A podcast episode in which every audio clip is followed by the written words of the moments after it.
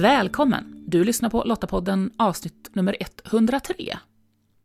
I den här podden samtalar vi om ämnen som rör mänskliga rättigheter och demokrati med fokus på kvinnors delaktighet. Och det är ju jag, Maria Öst, tillsammans med personer som på olika sätt arbetar för att skapa ett säkrare och tryggare samhälle.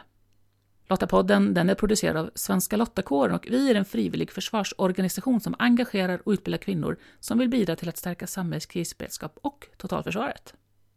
I det här avsnittet så möter du Lottan Freja Vredin som är anställd som soldat i Försvarsmakten. Eh, Freja började sitt engagemang som frivillig men hade siktet inställt på värnplikten. Häng med, så berättar Freja om mönstringen, värnplikten och varför du som tjej ska göra den. Freja, välkommen till Lottapodden. Tack så mycket. Kan inte du bara lite kort berätta, vem är du?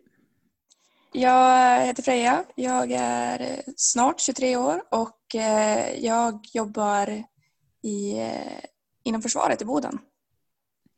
Men du, du är ju Lotta också. Vad var det som gjorde att du eh, blev medlem i Svenska Lottakåren? Jag har ju väldigt länge velat bli en militär då och jobba i försvaret. Men jag var lite, hade ett problem att få godkänt på mönstringen. Så jag tänkte att då går jag med i hemvärnet istället. Och då hade jag några vänner som var med i lottakåren och jag tyckte det, det lät spännande att eh, ett forum för bara kvinnor. Och sen eh, vet jag ju att du gjorde ju värnplikten i alla fall. Det gjorde jag. Eh, jag gjorde värnplikt 18-19. Så ungefär för ett år sedan som jag muckade och blev klar. Mm. Och hur var det? Det var inte riktigt vad jag hade tänkt mig utan jag hade som plan att eh, jag skulle bli sån här eh, skyttesoldat, vara ute i skogen och kriga lite grann. Eh, men jag hamnade på artilleriet uppe i Boden inom sensor, så vi ligger och spanar. Och jag tänkte att det, det kommer ju vara jättefå kvinnor, det kommer vara bara massa grabbiga män. Men vi var faktiskt 30 procent som ryckte in samtidigt som mig som var tjejer. Men hur upplevde du värnplikten? Man lär sig väldigt mycket om sig själv. Det är mycket ledarskap och hjälpa varandra och eh, utmana sig själv framför allt. Och om jag tänker om vi backar lite då inför liksom mönstring och sådär. Hur, hur förberedde du dig för det och, och, vad hade du för tankar kring mönstringen? Eh, jag har ju mönstrat två gånger eftersom att första så fick jag inte genomföra allt. Eh, och den andra gången visste jag ju ungefär vad som väntade mig Eh, så jag, jag övade mycket spinning på cykeln och eh, det fysiska övade jag. Och sen tänkte jag att jag skulle få sådana frågor om, hos psykologen då som skulle så jag hade förberett svar att så här ska jag svara. Men då fick jag ju helt annorlunda frågor. Det var ju eh, hur var din barndom och sånt. Hela alltet ungefär. Och hur var det då på själva mönstringen? För det är ju ganska länge man är där och mycket saker man gör. Ja, det är en, eh, det är en hel dag man är där eh, oftast. Och eh, man går ju mellan massa stationer, man är hos läkaren, man gör synkoll, man gör cykeltest eh, och man sitter mycket och väntar.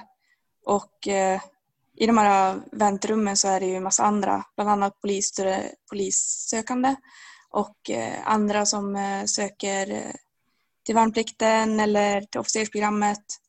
Och eh, ofta är det militärer som går runt och kan svara på frågor. Ja, men, vad ska jag välja om jag, jag är intresserad av det här? Eh, så man sitter där och är väldigt orolig men man vet också att de flesta andra som också är där de är lika oroliga. Vad ska det bli av mig ungefär? Och så fick du ju då positivt besked och så kom du till Boden. Och hur var första tiden? Jag gjorde hemvärnsutbildning först, så jag gjorde min eh, GUF ja. i Boden mm. i maj. Och sen eh, mitt i den så får jag ner och mönstrade eh, och kom in i Boden igen på A9 då, som är på eh, typ en månad senare ungefär. Så jag var ju som, ja men jag, jag vet ju typ hur det ser ut. Jag måste, jag vet inte, öva på att gå i kängor. Mm. Jag tänker att det kommer bli mycket från början och eh, det var det. Det var mm, första två veckorna har jag ju aldrig varit så stressad. Det är så mycket nytt och det är stressigt att ta på sig uniformen och hinna äta och allt sånt. Mycket nya rutiner helt enkelt? Väldigt mycket rutiner och eh, att tänka på att bara för att du själv är klar så betyder det inte att resten av din grupp är klar och man får ju tänka på ja men jag måste hjälpa till så att alla hinner och det är mycket man får lära sig på nytt. Och hur upplevde du de befäl ni hade? Vi ryckte in där mitt i sommaren så det var ju knappt några anställda på plats förutom de, de som vi hade som befäl på, på vår pluton. Eh, men de var en skara blandade från olika kompanier. Vissa var helt nyanställda, vissa var officerare eller reservofficerare eh, och sånt. Eh, och det var en, man fick uppleva olika sorters ledarskap. Mm. Eh, det var mycket motsägningar som var, ja men vi lärde oss det här och så säger någon, nej men så ska ni inte göra. Eh, mm. Men det var intressant. Vi hade, vi hade en kvinnlig instruktör då. Allt eftersom då eh, under värnplikten, vad, liksom, vad var mest utmanande eller vad kände du att det här får jag verkligen kämpa med?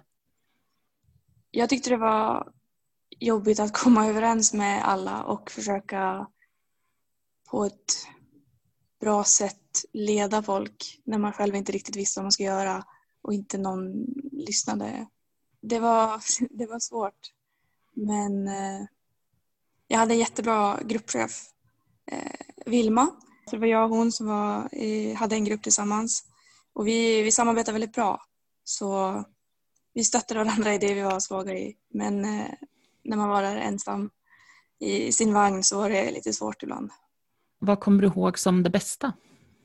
Det, det är absolut kamratskapen. Det, det här är någonting helt annorlunda från det man gör karriär, alltså i det civila livet om man pluggar och man kommer så nära varandra. Eh, ja, det, det är helt fantastiskt. Mm. Alltså ni bor ju tillsammans och tillbringar 24 timmar om dygnet tillsammans. Var det inte jobbigt? Eh, vi var en väldigt liten grupp till början, de första fyra, fem månaderna. Då var vi sex stycken i ett logement. Och eh, i våra logement så finns det sängar för 15. Så vi var ju som en liten en avskild grupp, lite för oss själva. Eh, men det var ganska lugnt och skönt. Och då var vi ju det var tre tjejer och tre killar i min eh, grupp. Och nu är du anställd? Ja, det är jag. Vad var det som gjorde att du kände att jag vill vara kvar? Det, det var väl främsta var väl att eh, det här är någonting jag tycker om att göra. Jag tycker om att gå ut i skogen och ha annorlunda uppgifter varje dag. Och jag tyckte om folket jag skulle arbeta med. Eh, men jag fick ganska snabbt efter jag blev anställd erbjudande om jag ville åka till, till Afrika på insats. Mm. Men jag kom också in på, på officersprogrammet i Stockholm så jag valde där att eh, först göra insats och sen gå skolan för att bli officer. Så det här är, liksom, det här är din karriär nu? Är det liksom, ser du det så, att du kommer att vara kvar länge? Ja, men det gör jag ändå. Jag, jag trivs så bra och eh, det finns alltid nya utmaningar och kurser och befattningar man kan få. Så jag tycker att eh, det här är rätt ställe för mig. Vad skulle du säga då till de tjejer som lyssnar på det här och som eh, är på väg att kanske kallas till mönstring eller fundera på om de ska anmäla sig frivilligt till värnplikten? Jag skulle säga att om du inte riktigt vet vad du vill göra, om du inte vet om du vill plugga eller jobba, så sök värnplikten och du kommer lära dig väldigt mycket om dig själv och du kommer växa som person. Du kommer få färdigheter som är väldigt användbara i livet och eh, absolut vänner för livet. Och sen behöver du inte fortsätta jobba efter det utan du gör din värnplikt och sen eh, kan du bli inkallad på någon övning någon gång. Så det är inte liksom ett livslångt eh, beslut du tar där utan eh, det är en bra erfarenhet att göra värnplikten. Vi hoppas att många tjejer anammar det budskapet och, och säger ja, jag vill göra. Men Freja, tack så jättemycket för att eh, vi fick prata lite med dig om, om dina erfarenheter från, från värnplikten. Absolut. Tack. Eh, nu har jag inte gjort värnplikten, men jag känner igen det som Freja säger om det här med kamratskapen och lösa uppgifter tillsammans och att växa som person genom de utmaningar du ställs inför under utbildningen. Eh, och det gör jag från de militära frivilligutbildningarna jag har gjort som Lotta. Det är något väldigt speciellt och något som jag verkligen haft nytta av även i mitt civila liv, både personligen och i mitt yrke. Eh, och jag hoppas att du som funderar på mönstringen av värnplikten fick med dig en bild av hur det kan vara och känner dig peppad. Länk till mer information relaterat till det vi samtalat om i det här avsnittet, det hittar du på lottapodden.se. Och oavsett om du vill förbereda dig för värnplikten eller vill engagera dig på ett annat sätt så är du varmt välkommen till oss i Lottakåren. Om du, precis som oss, tycker att fred, demokrati och mänskliga rättigheter är värda att försvara och du vill vara med och bidra till vårt samhälles krisberedskap och totalförsvar. I så fall, då ska du gå till svenskalottakåren.se. Där hittar du information om hur just du kan bidra. Nästa avsnitt av Lottapodden kan du lyssna på om två veckor den 1 oktober och då möter du marinchef Eva Skog Hasslum. Utmaningarna är ju fantastiskt stora. De finns ju varje dag. Det är ett väldigt ansvarsfullt jobb jag har. Det är, det, det är tungt med ansvaret men det är också roligt och spännande. Jag får ju vara med och forma marinen i framtiden. Även om man försöker även vara väldigt mycket i nuet. De utmaningar som finns är ju de här besluten som vi nu sitter och väntar på så småningom ska komma. Där det på något sätt bestäms också. Det är lite ödesmättat. Mm. Vad, vad, vad, är det för framtid vi kan se an då? Mm.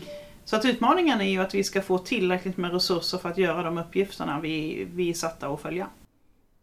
Så om du inte redan gör det, prenumerera gärna på Lottapodden för att säkerställa att du inte missar nästa avsnitt.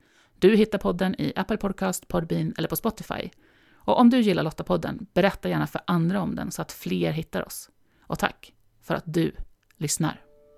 Hej så länge!